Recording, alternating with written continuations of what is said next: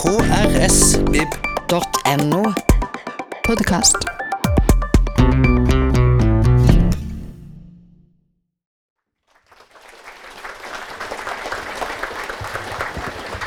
Takk for det. Jeg jeg syns jeg kjenner at jeg har lyd her.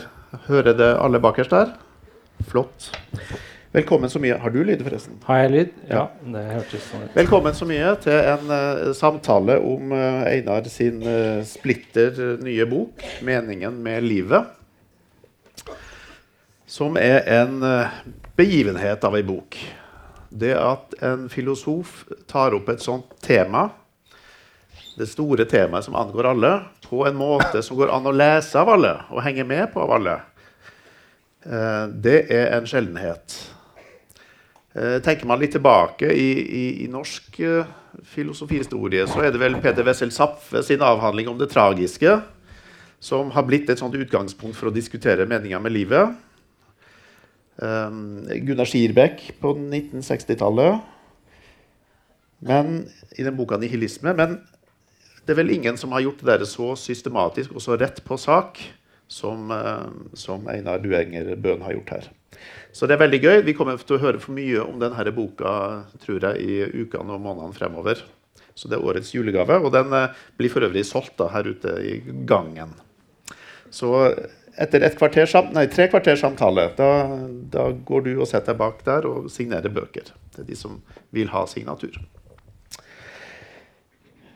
Hvis jeg skal si litt om boka altså Jeg, jeg ble jo veldig uh, inspirert av den. Jeg syns den var godt skrevet. Og du tar da utgangspunkt i myten om Sisyfos. Han som ble da dømt til gudene for evig å trille denne steinen oppover en eh, bakke, opp en fjelltopp, og så trille den ned igjen, og så var det å begynne på han igjen. Opp og ned hver bidige dag for evig. Som har blitt selve symbolet nærmest på et meningsløst liv. Det er også et symbol som eh, Camus tar opp i sin bok om, eh, om eh, Sisyfos og selvmord. Eh, Så her har du en sånn filosofisk arketype, da, arkesituasjon, som du tar utgangspunkt i. Men du kommer til en helt annen konklusjon enn en Camus. Um, I tillegg til at vi holder den Camus-tråden, eller nei, Sisyfos-tråden unnskyld, gjennom boka, så beveger vi oss da opp på et ganske sånn abstrakt uh, filosofisk nivå. Men vi beveger oss også ned til det helt dagligdagse nivået. Så vi, vi møter da jeget, Einar i boka, som lager sin morgenkaffe og lurer på om det er noe mening med det. Som tegner sine amatørkunstverk og lurer på om det er noe mening å fortsette med det. Sånn at vi inkluderes i det som, som ja, i, i dagliglivet, da. Så det er en bok som angår dagliglivet til alle, faktisk. Så første spørsmål. Hva, hva, hvordan kom du på å skrive ei sånn bok? Hva var bakgrunnen? Nei, uh, først må jeg bare si takk for hyggelige ord. Uh, hvis Bjarne syns den er bra, så er jeg fornøyd. Da har ikke jeg noe mer jeg skal Da har jeg oppnådd alt jeg ville her i livet. Uh, nei Jeg husker ikke helt nøyaktig hvordan, men det er jo det store spørsmålet som alltid ligger til grunn. Jeg tror litt sånn Noen har en tilbøyelighet til å alltid tenke på de dypere, store spørsmåla hele tiden. Eh, og jeg sliter vel litt med det samme, tenker jeg. Slik at uh, det har alltid vært et spørsmål som har skal jeg si, plagd meg, eller skal jeg si interessert meg. Men det har alltid vært av interesse. Uh, og så begynte jeg, det var vel når jeg tok doktorgrad i USA, sånn rundt 2000 og, mellom 2004 og 2009, at jeg tok et kurs og leste litt om døden i filosofisk litteratur. Eller hva, hva filosofer har sagt om døden. Da. Og da leste jeg en del om det, og så husker jeg kom inn på Camus, om Camus, Camus Vi har krangla mye om hvordan det skal uttales. Men det, eh, det essayet hans om eh, hvorfor Han mener det er bare ett fundamentalt spørsmål, og det er hvorfor skal vi ikke ta livet av oss. Eh, og sånn jeg tolker det, så er det spørsmålet hvorfor skal vi fortsette å leve. da. Så kom jeg inn på Camus, og så har ballen bare rulla fra der. Og når jeg kom tilbake til Norge i 2009, så det, begynte jeg å holde en del foredrag om meningen med livet. Og så begynte jeg å si at jeg skulle skrive bok om det. Og så gikk åra, og så hadde jeg ennå ikke skrevet noen bok om det. Og så ble jeg intervjua i en avis om at jeg skulle skrive bok om det, og så gikk det et par år til, og så hadde jeg ennå ikke skrevet inn. Og da begynte jeg å føle presset litt. da. Det begynte å bli pinlig å si at jeg ikke hadde den. så til slutt så kom jeg i kontakt med forlag, og så ble det en deadline, og så fikk jeg endelig skrive inn. da. Men uh, kort fortalt så er det noe jeg har holdt på med hele livet, egentlig. Uh, men spesielt da de siste 10-15 åra på og av med den problematikken. Og jeg er veldig enig med Camus i at det er jo når vi driver med filosofi, så er det interessant f.eks. Eh, hvordan språket former tankene våre, om vi har fri vilje og mange sånne dype spørsmål, er interessant. Men det er jo egentlig bare interessant for å bedre forstå oss selv og vår situasjon. Jeg syns ikke det er veldig interessant hvordan språket funker hvis det ikke er med på å opplyse oss litt mer om oss og vår situasjon og hvorfor vi er her vi er, og hva vi, hvorfor vi skal fortsette å være her. Så jeg er jo enig i at det er det mest grunnleggende spørsmålet. Mm. Altså hva er meninga med livet? Mm. Og så har det vært litt sånn neglisjert i filosofien. Det har vært sånn, De siste 100 åra så har det ikke vært noe sånn hot tema. Uh, I fagfilosofien i hvert fall. Så da er det jo alltid kult å ta det opp igjen uh, når det ikke er hot. Uh, nå blir det selvfølgelig hot etter det her. Mm. Men, det, det, må vel være greit å ha et svar også når ja, folk på fest spør. Ja, ja. da sånn, altså, på fest da spør du som er filosof, hva er meningen med livet? ja. Da må Nei, du ha et svar. Jeg er enig i det. Mm. Men du kommer jo også faktisk med et svar da, på det. Så svaret på hva meninga med livet er, det kommer sånn rundt klokka tolv, tenker jeg. Ja. For, uh, her, her, på Kristiansand folkebibliotek.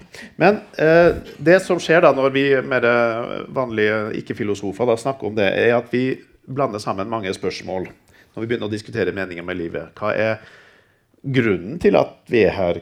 Er, er det lykken som er meninga? Det er veldig mange spørsmål som roter seg sammen, egentlig. Og Du bruker jo en del tid i det boka her på å avklare hva er egentlig spørsmålet dreier seg om. Og Da sjalter du ut en del sånne andre spørsmål som du ikke fokuserer på. Så jeg tenker vi må snakke litt om den utsjaltinga der. da. Og Et spørsmål er jo da årsaken. Hvorfor er vi her? Men det er ikke det du er opptatt av? Nei, så jeg har brukt mye, mest tid egentlig på hva spørsmålet egentlig betyr. For Hvis dere lurer på hva meninga med livet er, og når jeg snakker med folk om det, så er det veldig ofte at folk snakker om forskjellige ting. Altså De snakker forbi hverandre. Uh, og uh, det er veldig lett å tenke liksom, 'Hvorfor er vi her?' Og, og, da tenke 'Hva er grunnen til at vi er her?' Og da hoppe til 'Hva er egentlig årsaken til at vi er her?' Og det tror ikke jeg er det dypeste spørsmålet. Jeg tror ikke det er det spørsmålet egentlig dreier seg om. For hvis du når Tenker, jeg brukte dette uttrykket som min redaktør luka ut altfor mange av. Men jeg brukte dette uttrykket eh, om å ligge nede i en eksistensiell krise. Altså det vil si at du føler på kroppen at livet er meningsløst. Eh, og Det er det jeg er ute etter å forstå. ikke sant? Og da, Når jeg føler på det, så tenker jeg hva er poenget med å fortsette? Det er sånn jeg tenker på det. Jeg vil ha en grunn til å fortsette. Eh, og da er det helt uavhengig av årsaken til at vi er her. Så man kan være naturalistisk tilbøyelig, dvs. Si man kan tro på fysikkens teorier om the big bang og store kosmologiske teorier som gir en årsakssammenheng til at vi er her. Den forklarer hvordan vi har utvikla oss over tid, fra noen gasser via noen planter til noen dyr og til oss. Så forklarer den hvordan vi har utvikla oss. Og da har du fått svar på hvorfor vi er her, i form av årsakssammenheng. Men det er jo fortsatt helt uinteressant i forhold til hvorfor skal jeg fortsette å, å leve. Hva er poenget? Hva er grunnen? Så egentlig er spørsmålet helt uavhengig av årsaken. Det er en av de tingene jeg sjalter ut av å komme frem til. Da. Så uansett hva slags årsak det måtte være til at vi finnes og er her nå, så er det noe helt annet å stille spørsmålet hvorfor skal vi fortsette? Mm. Og det er det jeg tror Camus og mange andre uh, Dostojevskij er en bok som heter 'Bekjennelser', eller 'Skriftemål', eller hva den heter på norsk. Den, han er også ute etter det samme. ikke Han, han, tenker 'hva er poenget'? Han tenker ikke 'hvorfor er jeg her'? Mm. Uh, og det tror jeg er veldig viktig å skille de to. Men det er veldig lett å hoppe mellom de. da. Mm. Så det er en av de tingene jeg skiller veldig klart mellom. Det er årsaken til dette her, som kan være uh, et fysisk hendelse, det kan være Gud, det kan være veldig mye rart. Uh, og et annet spørsmål er hvorfor skal jeg fortsette å være her? Og sånn Folkelig så er det veldig lett å skille de. Altså, en, det kan være en årsak til at du er på en fest. Men det kan være noe helt annet om hvorfor du bør fortsette å være på den festen. Det er ikke gitt at det er samme ting, da. Mm. Uh, slik at du kan godt hende endte opp der ved et uhell, men så traff du noen du likte veldig godt, og da har du en helt annen grunn til å fortsette å være der. Mm. Slik at det er veldig to forskjellige spørsmål. Da. Ja, og En parallell til det der um, med årsaken går jo da på intensjonen med at vi er her. altså Guds intensjon, hvis det da eksisterer noen Gud. Og la oss tenke oss at Gud har en intensjon med at vi er her. Gir det nok svar? Nei, altså jeg tror det er til, et, sånn som Hvis du har en teistisk eller en religiøs teori om meningen med livet, da har du egentlig en ganske god pakkeløsning. Fordi du har liksom Årsaken er Gud. ikke sant? Han har skapt universet. Han har også en, eller hun eller hva det er, har også en intensjon om hva som skal skje, og hvorfor han har skapt universet. Så han har en plan, og meninga er bare å følge den planen til en viss grad. Da har du på en måte årsak, intensjon og endemål på plass. Så sånn sett er det en veldig god løsning. Så jeg vil si det er en tilstrekkelig Det kan være en tilstrekkelig teori om meningen med livet hvis den er sann. Så er det en tilstrekkelig teori. Men det som er mitt poeng her, er at det er ikke en, det vi kaller en nødvendig teori. Det fins andre teorier som også kan gi en mening med livet, som ikke er Gud. Og veldig mange tenker nok at hvis du ikke finnes en Gud, så er livet meningsløst. Men det er det jeg tror er helt feil. da. Så jeg tror Gud kan være én løsning, hvis det er sant. Men jeg tror det fins andre måter å se det på som også gir løsning. Som gir svare på hvorfor vi skal fortsette å leve. Hva er meningen? Og så har jeg en generell teori som på en måte favner begge. da. Mm. Uh, så sånn sett uh, så er det så en kristen teori eller en religiøs teori er tilstrekkelig, men ikke nødvendig, vil jeg si. Mm. Og selv om vi ikke da tror på en gud, uh, selv om vi ikke vet helt årsaken, så kan livet likevel være meningsfullt. Ja. Mm. Og det er bra, da. Det er veldig bra. og flaks. mm. Så er det et annet spørsmål som ofte melder seg inn i diskusjonen, og det er det med lykke. Har, har meninga med livet noe med lykke å gjøre? Ja, er de nødvendig forbundet? Ja, det er også sånn veldig mange som blander de to. Da. Så lykke Det kommer litt an på hva vi mener med lykke. Uh, det er også veldig mye diskutert i filosofi. Det er mye mer diskutert hva et lykkelig liv er, enn hva et meningsfullt liv er, faktisk, i filosofien. Uh, men hvis vi tenker på lykke som sånn en, en vedvarende opplevelse, tilfredshet over tilværelsen din en slags type tilfredshet over tilværelsen din som varer litt over tid. Altså jeg er lykkelig i perioder. Og da er det en slags subjektiv tilfredshet over din tilværelse. Hvis vi tenker på lykke litt sånn, så er nok eh, mening, eh, sånn jeg forstår det, noe annet enn lykke. Eh, slik at du kan være veldig tilfreds med din tilværelse selv om det ikke skulle være en mening med livet, f.eks. Så hvis det ikke er noen mening, ikke noe poeng med å fortsette, så kan du fortsatt være ganske tilfreds fordi du har bare ikke skjønt at det ikke er noe poeng. Eksempel. Slik at det er veldig stor forskjell på hva det er vi føler og erfarer, og hva som er sant. Det er ikke alltid de samsvarer, uheldigvis. Uh, og sånn sett så kan det være, er det forskjellige ting. da. Så du kan være veldig lykkelig uten å være veldig meningsfullt.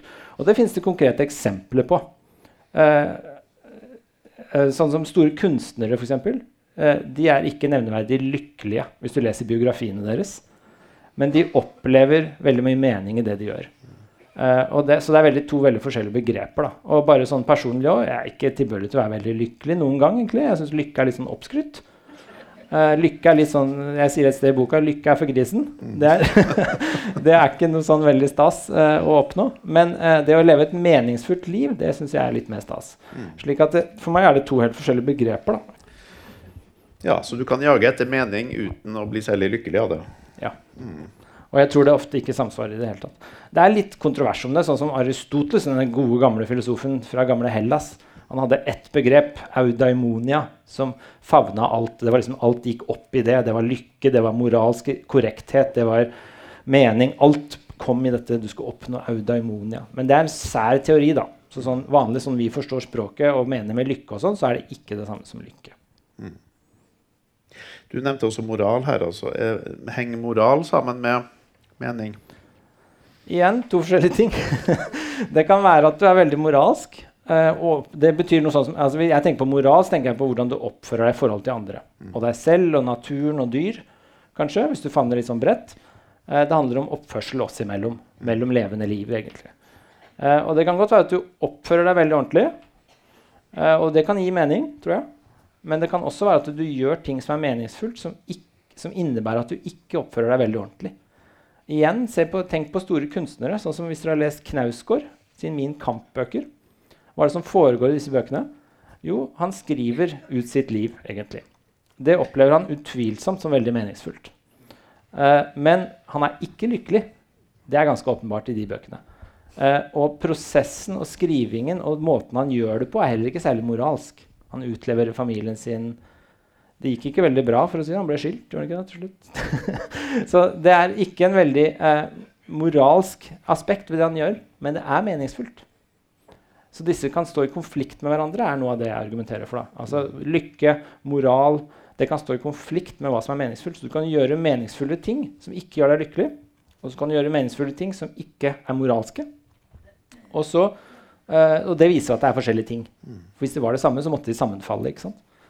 Men jeg tror at i andre veien er det vanskeligere. Så hvis du gjør noe veldig moralsk riktig, så tror jeg det gir mening. Det kan vi komme tilbake når jeg gir svaret. Så jeg tror all moral og all lykke på en måte gir litt mening. Men jeg tror det er veldig mye mening som ikke gir moral og ikke gir lykke. Da. Så det er forskjellige begreper.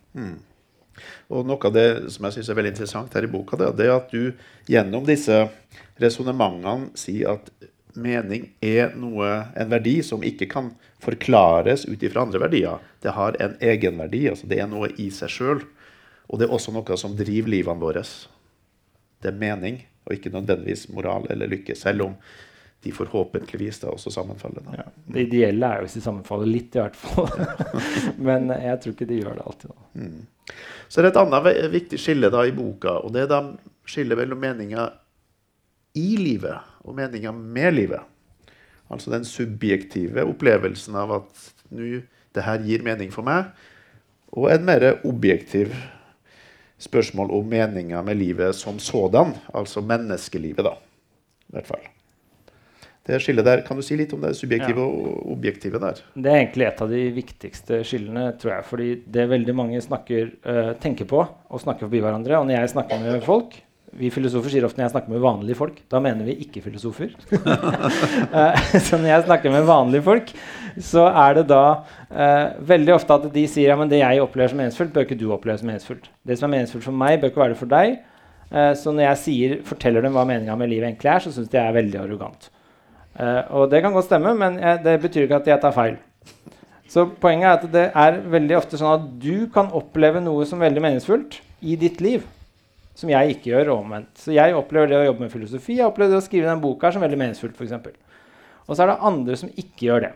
I eksempelet jeg bruker i boka, er at jeg opplever det å sitte på kafé som veldig meningsfullt. Jeg sitter på kafé og ser på folk, så kan jeg sitte i timevis og bare se på folk. Det opplever jeg som ganske meningsfullt. Kjenner andre som opplever det som helt meningsløst. Det er bortkasta tid. Så dette er opplevelser av hva som gir mening. Og det er noe helt annet enn hva meningen med livet er. Så jeg skiller da mellom det som jeg kaller mening i livet, det vi opplever som meningsfullt. Og det varierer fra person til person. Og det er subjektivt. altså Det avhenger av deg og ditt subjekt. Og det er på en måte noe du må finne ut av hva du opplever som meningsfullt. Eh, det må du finne ut av selv. Eh, kanskje i samsvar med venner og en psykolog. Men altså, ikke, det kan ikke jeg hjelpe deg med. Mens det jeg er opptatt av, er hva er meningen med livet. Og det skal ikke variere fra person til person. Det går, jeg nevner litt den teorien nå, men det er generelle. Jeg er ute etter en mening om, som forteller oss hva er poenget med å fortsette dette livet vi lever, alle sammen. Og da er det ikke mitt liv eller ditt liv, eller da er det ikke hva jeg opplever som meningsfullt, eller hva du opplever som meningsfullt, men hva er faktisk poenget? Uh, og det er den objektive versjonen i stedet for den subjektive. Så det er meningen med livet istedenfor meningen i livet ditt. Og det er veldig viktig å skille. Fordi veldig mange blander de to og tenker at det jeg opplever som meningsfullt, bør ikke du gjøre det, og så er de ferdig med saken. Men det blir helt feil. Det er som å si det jeg opplever som moralsk rett, det behøver ikke du oppleve som moralsk rett, og så er vi ferdig med saken. Det går ikke. Tenk dere Hitler sa det, liksom. Det jeg opplever som moralsk riktig å gjøre, det behøver ikke du å gjøre. Så skal vi bare bli enige om å være uenige? Nei. Vi må bli enige om at det ene er feil og det andre er riktig. For eksempel. Så det er visse objektive krav som ligger bak. Det betyr ikke at det ikke er subjektive forskjeller, som kan være helt ok. Men når det kommer til meningen med livet, så er jeg ute etter noe mye, mye mer da, enn bare hva du føler. Jeg er ute etter hva faktisk er poenget. Og når du tenker at livet er meningsløst, så hjelper det ikke om noen forteller meg bare føl et eller annet. eller bare føl, bare finn noe du opplever som meningsfullt. Det, kan, det hjelper litt. Men poenget er at når du først har fått for deg at livet er meningsløst, så tror du jo at det er en illusjon, det jeg føler, og det jeg opplever. Det er det som er problemet. Og Da kan du ikke bare si ja, men du opplever det jo. For det, du føler da, er at det er en illusjon. Det du opplever. Det er en løgn. Og Derfor så må du ut etter noe mer objektivt. Og det er meningen med livet. da. Det er den jeg er ute etter. Og det er, Sånn sett funker en kristen teori veldig godt. Ikke sant? For der er det en gud. Og det er objektivt, og det er sant, og det er uavhengig av hva du måtte føle. Men hvis du ikke tror på den guden, hva gjør du da? Det betyr også at det kommer et annet pussig paradoks her, nemlig at du kan da leve i pakt med meninga med livet uten å oppleve det sjøl. Ja. Du, kan- du kan gå rundt og tro at eh, nei, jeg opplever ikke noe mening med det her. Og så gjør du ting som faktisk er da, som du sier, i pakt med meninga med livet. Og omvendt. Omvendt. Du kan eh, oppleve masse mening, og så tar du bare feil. det er kanskje verre. Ja. Men det, nå har vi skjelta bort noen sånne spørsmål, da. Eh, Så nå begynner vi å nærme oss kjernen her. Og et kjerneargument i boka er at det meningsfulle henger sammen med verdi. Ja. Ja, altså Hvis alt var verdiløst, ville det ikke være noe mening. Mening henger sammen med verdi. Meningsfullhet og men Ja. verdifullhet. Ja, så uh, Forholdet er at verdier er liksom Det er også et stort tema, egentlig. Hva er verdier? verdier jeg, når jeg ser på verdier, så må vi skille mellom det jeg kaller preferanser. Bare det vi har, har lyst på, det vi ønsker oss. Det er én ting. Men hva som er verdifullt, er noe annet. Så det kan godt hende at vi ønsker oss noe, men det, som ikke er verdifullt, f.eks. Så det jeg kaller verdier, er det vi bør ønske oss. Det er ikke bare det vi faktisk ønsker oss, men det er det vi burde ønske oss. Det er veldig stor forskjell. Du må tygge lenge på den. det er veldig stor forskjell. Og det, der er ideen at det, det fins sånne verdier. Eh, noe bør vi gjøre fremfor noe annet.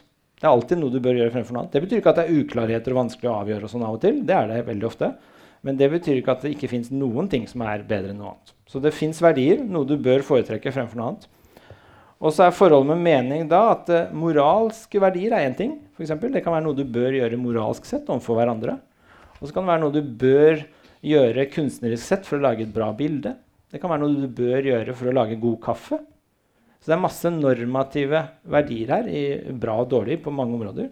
Og så er det noe du bør gjøre for å være i samsvar med meningen med livet. Da. Denne objektive meningen. Altså hva som faktisk gir deg et poeng med å fortsette. Eh, og dette er veldig forskjellige ting, så forholdet mellom de er at eh, alle meningsfulle ting har verdi. Men ikke alle ting som har verdi, er meningsfulle. Så det er litt som jeg var tilbake til i stad. Så lykke og moral det er to typer verdier. Eh, og det kan være med på å gi mening, men det er også ting som er meningsfullt, som ikke gir lykke eller moral. ikke sant? Så dette er for, igjen samme forhold. Altså det må være verdier i bunn for at det skal være en mening. Fordi mening er jo noe positivt. Det er noe du bør gjøre, noe du bør oppnå. Så det må være verdier for at det skal være mening. Uh, men mening kan ikke forklares ut fra disse andre. da. Så det, det ligger i bunnen her en teori om at det fins faktisk noe som er bedre enn noe annet. Uavhengig av hva du måtte føle og tenke om saken. Og så argumenterer jeg litt for det. da. Det er ikke bare noe jeg sier. og så er mening avhengig av det. da, At det fins sånne verdier. Men mening er sin egen type verdi. Det er ikke noe som kan forklares ut fra moral eller noe annet. Men meningen er grunnleggende knytta til at noe er verdifullt. At det Ja. finnes ting som er mer, mer verdifullt å holde på med enn andre ting. Ja. Så du kan se for deg to sånne mulige verdener som jeg liker å tenke på. Så ser du for deg to scenarioer. Og det ene er at uh, eh, poenget med livet er, er å tilfredsstille en ond demon. Så det er en ond demon som har skapt universet bare for å se oss plage hverandre. Det er det han liker å se på. Så det er, og da er på en måte planen og meningen med vår tilværelse er da bare å plage hverandre. For det er bare det som er intensjonen og årsaken. Eh, og så kan du se for deg et alternativ hvor, eh, og da kan du se for deg at du gjør det. Du oppfyller meninga med livet ved å plage hverandre. Og så kan du se for deg alternativet at vi gjør opprør. Vi sier nei, det her gidder vi ikke å være med på. Eh, og hvilke av de er mest meningsfullt? Og da tror jeg ganske mange er enig i at det er mer meningsfullt å slutte å plage hverandre og gjøre noe bra i stedet, selv om intensjonen og planen og årsaken var at vi skulle plage hverandre. Og det tilsier jo at mening er noe positivt. Altså Det kan ikke være noe negativt. For da hadde vi ikke switcha over og sagt at vi heller burde gjøre det her for å få et meningsfullt liv. Så jeg leker litt med sånne tankeeksperimenter. da. Jeg vet ikke om det var klart forklart, men det er liksom ideen da, at du, du kan se ved å reflektere over det at mening er noe iboende bra. da. Det er noe positivt, og det er noe vi bør etterstrebe. Eh, og da hviler det på at det faktisk er noe vi bør etterstrebe. Ja. Det kan ikke bare være noe jeg føler. For da kan livet være helt meningsløst, og så går jeg rundt og føler masse. Da kan jeg, når jeg lever glad og lykkelig, men jeg tar feil. Det er det som er trist, da. Ja, og Det innebærer da at det også finnes verdier som er mer eller mindre subjektive. Vi kan være veldig uenige om hva som er best av en ting. Men i andre enden av skalaen så finnes det også noen grunnverdier som, for, våres, for det menneskelige liv som er, har en mye mer sånn objektiv substans. da. Og det er da de, det du kaller for de tre store. Ja. De tre store verdiene. Sannhet, godhet og skjønnhet. Det sanne og det gode og det skjønne. Det meste kan falle inn under det. Du, Ja. det er litt grovt sagt. Og så kan men- man da være uenig om hva som er sant og ikke sant, og hva som er godt og ikke godt. Ja. Men det, det, det er noe Ja. sånn noen, noen grunnleggende menneskelige verdier som, som er knytta til det, det å, Ja. Og jeg- å få mening i livet, da. Ja, og jeg tror det er veldig vanlig jeg er Veldig mange av mine veldig vanlige, vanlige folk da, de er, sier veldig ofte at Eller de er veldig ofte relativister. Altså Det betyr at de er veldig ofte sånn at de tenker verdier er relativt til en kultur, til en person, til et følelsesliv. Uh, og det, noe av det er selvfølgelig det. Sånn hvilken vei, side av veien du bør kjøre på. Det er en verdi at du kjører på høyre side i Norge i hvert fall. Eh, Men det er en konvensjon. ikke sant? Det er ikke noe dyptstikkende. Vi kunne ha switcha og kjørt på venstre hvis alle hadde blitt enige om det. Men, eh, så noe er selvfølgelig relativt. Men kjerneverdier, sånne dypere sånn, sånn type sånn Bør vi eh, torturere barn for moro skyld? Så er ikke det en konvensjon vi skal bli enige om.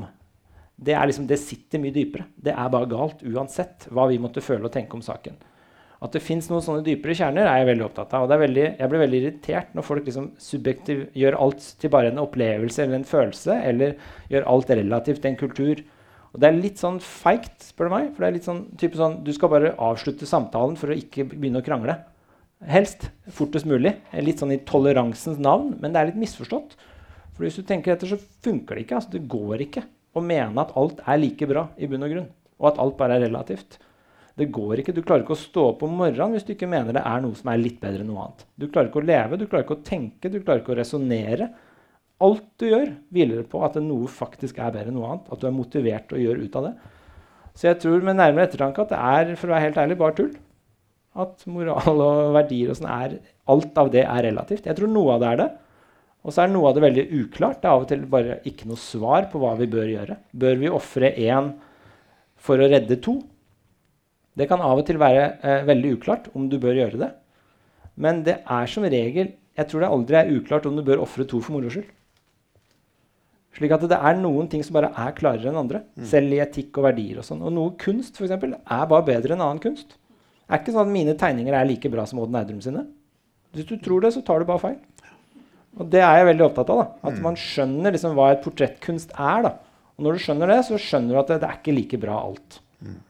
Og sånne kvalitetsforskjeller er viktig. Og det er veldig feigt tror jeg, å si at alt er relativt, alt er subjektivt, alt er avhengig av smak og behag. liksom. Det er, det er, det er ikke bare feil, men det er litt feigt. meg. Eh, Nå nærmer vi oss uh, det første svaret, nemlig svaret på spørsmålet. Hva består, hva er egentlig spørsmålet for deg? Hva mener du med spørsmålet 'Hva er meningen med livet'? Så etter tre kapitler er det det, så kommer jeg frem til hva jeg mener. Eh, Spørsmålet, sånn jeg mener det, så er det eh, gitt eh, Hvis jeg husker riktig nå Gitt at vi er her nå, her og nå av en eller annen grunn, hva nå enn det måtte være, så er spørsmålet hva er poenget med å fortsette? Det er sånn jeg forstår det. Og da mener jeg hva er det objektive poenget for oss alle med å fortsette denne typen liv som vi lever? Og da mener jeg ikke nødvendigvis det biologiske livet vi lever, men jeg mener mer det rasjonelle, normative, bevisste livet vi lever. Altså denne erfaringen vi har av å leve. Og når vi tenker og resonnerer og handler ut fra hva vi bør og ikke bør gjøre, den type liv som vi har nå, som karakteriserer oss da, i forhold til de alle andre dyr vi kjenner til, så er spørsmålet hva er poenget med å fortsette med det. Og dette er ikke noe som defineres sånn på en god måte, for jeg tror det er en primitiv kategori. da. Jeg tror du bare må illustrere hva det er, ved å si alt det ikke er. Det er ikke hva er det å være lykkelig, hva er det å være moralsk, hva er det jeg opplever som meningsfullt. Det er ingenting av det der. Det er ikke hva er årsaken, eller hva er intensjonen.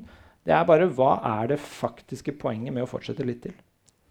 Uh, og det er sånn jeg forstår spørsmålet. Og poenget, altså Hva er motiva motivasjonen for, at, for å fortsette? Ja, men ikke bare hva er motivasjonen, men hva burde den være? Sant? Så jeg kan være motivert til å fortsette av mange grunner, men jeg kan ta feil. Slik at det jeg er ute etter, er hva er det faktiske poenget med å fortsette? Det betyr hva er det som burde motivere meg til å fortsette? Ikke bare hva som faktisk motiverer meg. Så det er ikke motivasjon som sådan heller, egentlig. Det er liksom hva, ja, hva er poenget? Hva er poenget? Ja. Så det er jo litt skuffende, for det var det vi begynte med. Men det, det, for, det, det blir klarere når du sier alt det ikke er. ikke sant? Det er derfor Bjarne gjorde det han gjorde nå, tror jeg. Ja. Ja, og Da er klokka tolv, så da må vi jo nesten med svaret også. da. Så da blir spørsmålet hva er svaret på spørsmålet? Hva er meningen med livet? Da må dere kjøpe kjøpe Nei. uh, nei, altså det, det er jo mange forslag til svar som har kommet. Ikke mange, jeg overdriver litt. Det er noen. Uh, men sånn jeg forstår det, så er svaret er egentlig noe sånn, i sånn slagordsform. da, Sånn ut av sjargongen. Så er det, eh, handler det om at man ønsker å forbedre ting. Eh, veldig generelt. Ikke ønsker. Det handler om å forbedre ting. Så igjen så hviler det på at det fins noe som er bedre enn noe annet.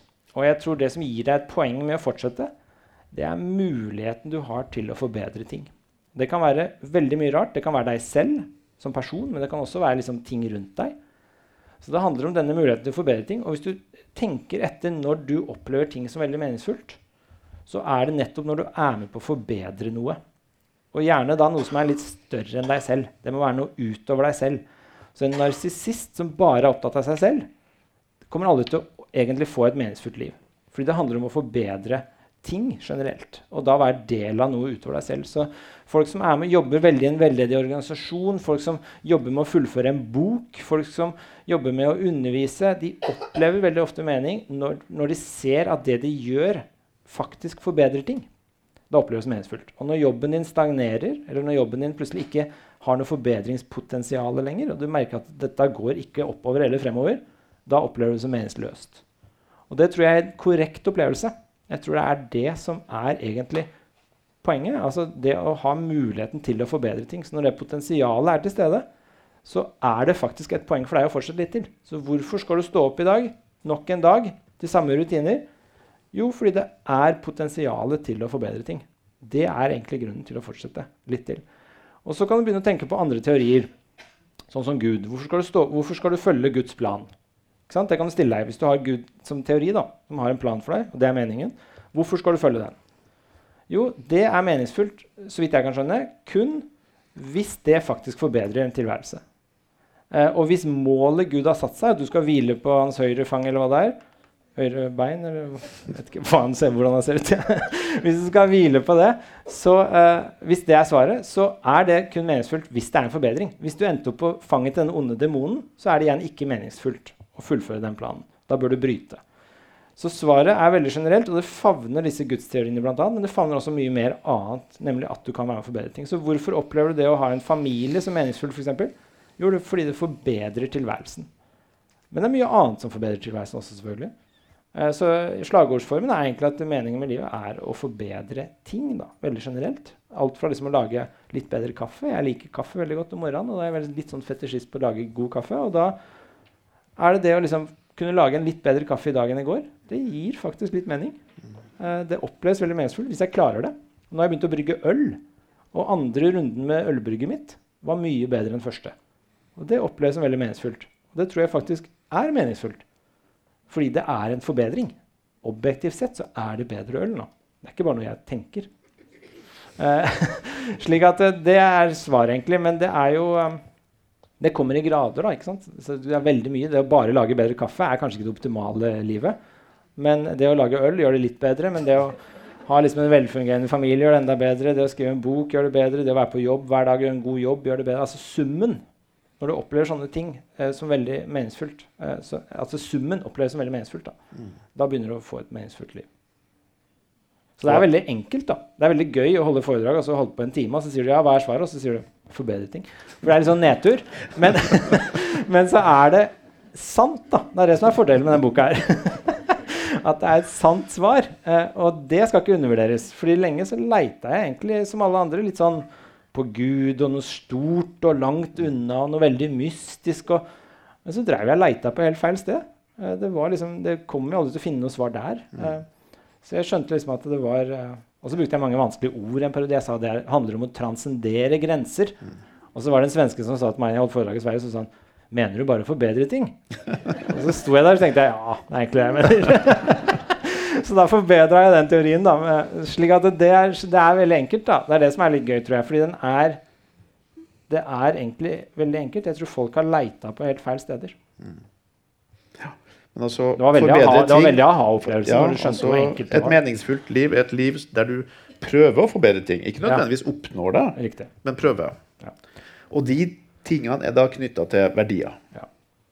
Så det å egentlig å strebe, eller å Strebe hørtes så kjedelig ut, men å, å forfølge gode ting, altså. Ja. Gode verdier. Ja. Og tenk dere bare sånn som Knausgård. Jeg, har tenkt veldig mye på, jeg likte Min Kamp-serien veldig godt. da. Uh, og jeg har tenkt litt mye på det, fordi det han gjør der, det er et meningsprosjekt. Det han søker, er mening. Og han får be, første romanen, første boka, er jo en knallroman. ikke sant? Det er en skikkelig god roman. Og det han gjorde der Er du ikke enig? Du er jo litteraturviter.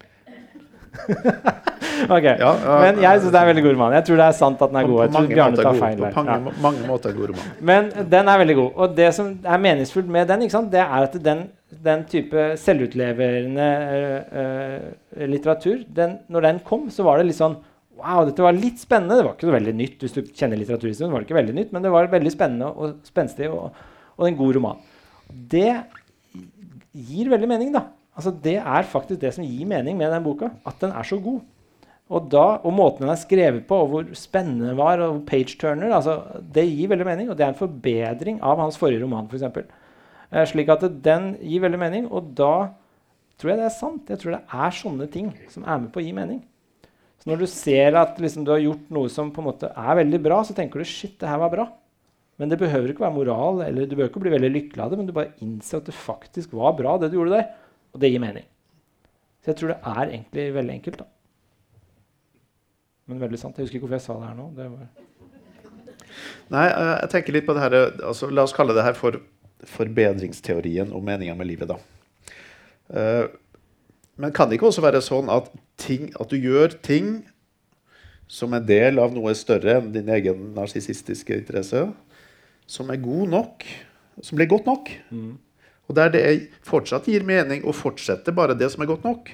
Hvorfor må du på død og liv forbedre det? Altså, hvis man tar, Tenk på alle mulige ritualer vi har da. Eh, familieritualer, årstidsritualer, eh, min årlige fjelltur sammen med vennene mine. Poenget er ikke å forbedre de fjellturene. Det er å gjenta dem. Ja. De er gode nok. Og det bidrar til å opprettholde bånd og vennskap og en, en, en fellesskapsfølelse. Ja, nei, det er Er det ikke godt nok? Jo, det kan være godt nok. Men det er, en, det er en innvending jeg ofte har fått, faktisk. Altså det, av, det å bare holde status quo Status quo? Mm. Det å holde ting sånn det er, da. Vedlikeholde det. Altså Når du vedlikeholder huset, så forbedrer du på en måte ikke huset, men du bare holder det ved like. Eh, og er ikke det bra nok? Eh, jo, jeg tror det er bra nok, for jeg tror alternativet er en forverring. ikke sant? Så hvis du slutta å gå på de turene, så hadde du blitt litt mer ensom.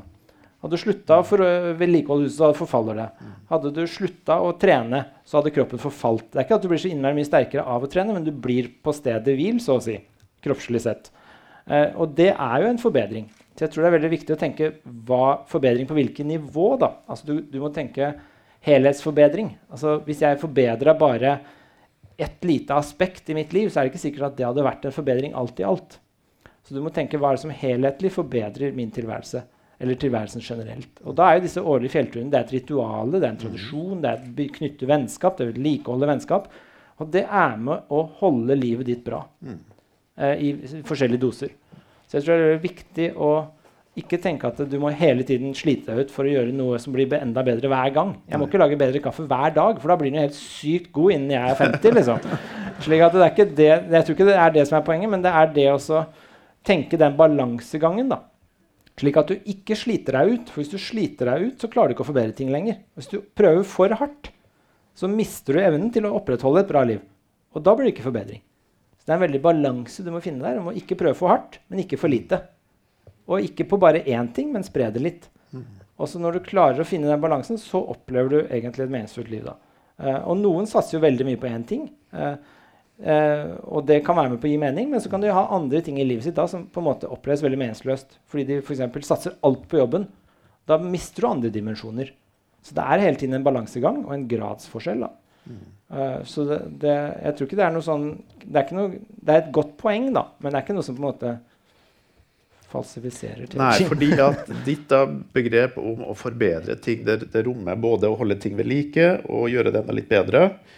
Og alt, alt blir i grunnen meningsfullt. Fordi at enhver, bortsett fra det som er rent ondt og rent destruktivt For alt kan da begrunnes jo, men at nå holder noe ved like og nå forbedrer noe. Så egentlig din, din verden er full av meningsfulle Ja. ting og handlinger. da. Er ikke det bra? Det er veldig oppløftende da, å lese den boka. der. Det er liksom, Ja, Nei, det det er er alltid, veldig... Så lenge det er forbedringspotensial og verdier, så er det mening. Jeg hadde en kollega, en teolog, som leste manuset, og han sa dette er jo en selvhjelpsbok. så ja, nei, kanskje. Eh, Ja. Men jeg tror det er sant, da, for du merker at det kommer i grader. Så noen har mye mer meningsfulle liv enn andre. Eh, Så hvis jeg bare sitter hjemme i pysj og ser på Netflix, så kan jeg oppleve det som veldig bra en kort periode, eh, men på sikt så blir det ikke veldig meningsfullt liv. Mens andre liksom er og går til Nordpolen og oppdager nye ting, og sånn, så har liksom, å shit, den er jo det livet. Så kan du sammenligne, og så er det forskjell. Men du skal være glad for at det å sitte i pysj og se på Netflix med barna dine i to timer også kan være meningsfullt. Ikke sant? Vi må ikke alle oppdage den nye generelle relativitetsteorien eller ny tolkning av kvantemekanikken. Altså Vi kan faktisk eh, få mening overalt til enhver tid. Da. Det er noe av det som var liksom litt aha-opplevelsen når du jobba med det her. Heller Det syns, syns jeg så tar boka veldig ned til, til på jorda, da. ja, Og til hverdagslivet, og til noe som angår absolutt alle, der vi kan finne noe og, kjenne oss igjen. Så det, det er også en grunn til jeg syns var veldig inspirerende, da. Um, jeg jo Jeg er jo litteraturviter og ikke filosof, da. Og jeg hoppa jo litt i stolen. Jeg leste um, et eksempel på en historisk verdi. da, Det var i det kapittelet om verdier. da. Eh, En ting som, som ikke hadde nytteverdi, men historisk verdi, det var da fyllepenna som ble brukt til å underskrive Grunnloven i 1814. Og så begynte jeg å undersøke fyllepenn i 1814. Det viste seg at fyllepenna var opp, oppfunnet på 1880-tallet. da.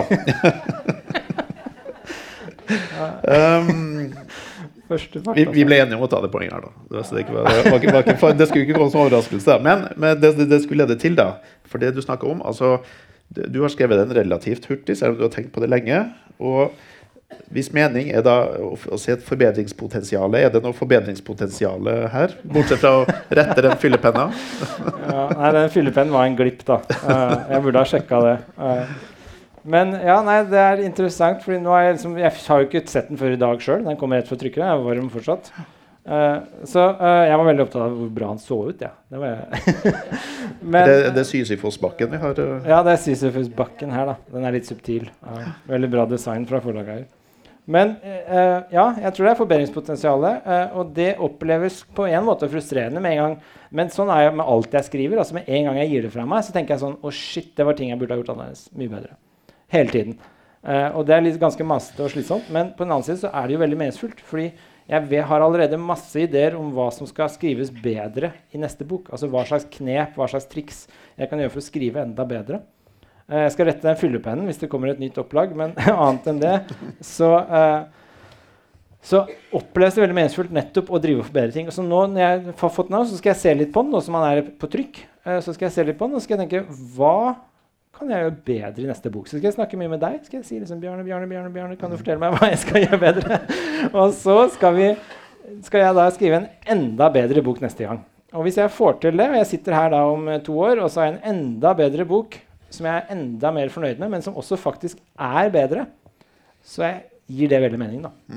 Så det er noen ting jeg kan forbedre her. Jeg kan eh, Noen øh, Det er kjipt å ødelegge det nå, men altså Jeg, jeg kunne kanskje vært litt Litt mer spesifikk om uh, Litt mer detaljkritikk av de andre jeg kritiserer. Jeg går litt fort over mine motstandere her. så jeg kunne gått litt mer i detalj. Slå litt der. hardere, altså. Ja, jeg kunne gått litt mer i detalj der. Uh, jeg tror jeg er rettferdig overfor dem, men jeg går litt fort. Uh, sånne ting. Um, og så snakker jeg litt om, helt på slutten om transhumanisme og transnaturisme. Dette, Denne ideen om at vi skal forbedre oss selv som skapninger og forbedre naturen. Uh, og dette transnaturisme-begrepet er ganske nytt. Det har jeg ikke hørt noe sted. Det er jeg som har funnet på her nå. Uh, det er jeg litt stolt av. Så det skal jeg prøve å utvikle og forbedre enda mer. Fordi jeg tror mye naturvern så Neste bok kommer til å drive litt med naturbegrep og sånn. Hva som er naturlig og sånn. Og jeg tror mye naturvern er litt misforstått. Fordi de blander litt det som er tilfellet, og det som bør være tilfellet. Så mange sier liksom vi må bevare naturen. Og det er jeg enig i til en viss grad. Men jeg er interessert i f.eks. hvorfor skal vi bevare naturen? Vi skal ikke bevare den bare fordi den er som den er. Ting som er, kan være veldig dårlig. Det er mange folk som er bare dårlige mennesker. Vi bør ikke bevare Vi bør bevare folka, men altså bør ikke, De bør ikke bevare sin personlighet av den grunn, bare fordi de er sånn de er. Så hvis du er en drittsekk, så bør du ikke fortsette å være en drittsekk.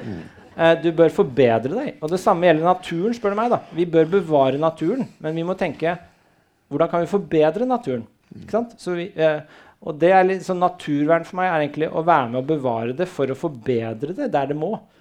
Og det er ganske inkonsekvent å mene at vi skal bevare naturen bare fordi den er sånn den er. For det er masse vi allerede forandrer med viten og vilje. Vi lager motorvei tvers igjennom. Vi kontrollerer elgbestanden. Vi skyter ulv. Vi gjør alt mulig rart. Og inngrep i naturen eh, hele tiden. Så vi bevarer det ikke sånn den er. Eh, slik at Da hadde vi bare latt alt gro igjen. Og det er det ingen som egentlig mener at vi bør. Slik at eh, Jeg er veldig opptatt av dette at vi skal eh, forandre naturen til noe bedre. da. Og det kan innebære å bevare en helt vill skog, f.eks. Men det kan også innebære å plante en helt ny skog. Eller å utvikle helt nye skogarter. Og det er sånne ting. Eh, så det er litt radikalt, da. Så jeg har ikke så mye med det her. Men eh, jeg har lyst til å skrive mer om det. da. Så det har jeg lyst til å forbedre mer. Vi skal avslutte diskusjonen der, for du skal få anledning til å gå bak uh, i eh, rommet bakerst her og signere bøker, hvis det er noen som ønsker signerte uh, eksemplarer. Håper det kommer noen, da. Det er kleint å sitte der. Alle bare hilser på vei ut. Eh, boka er jo da utgitt på Spartacus eh, forlag, eh, som har gjort en flott eh, jobb med den. Så mm, da sier jeg takk for oppmøtet til alle sammen. Eh, god helg. Og tusen takk igjen for at du kom, og gratulerer med boka.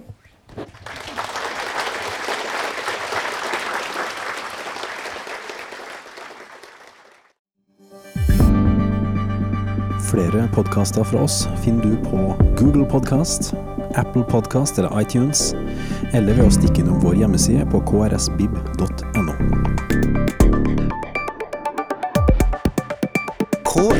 krsbib.no.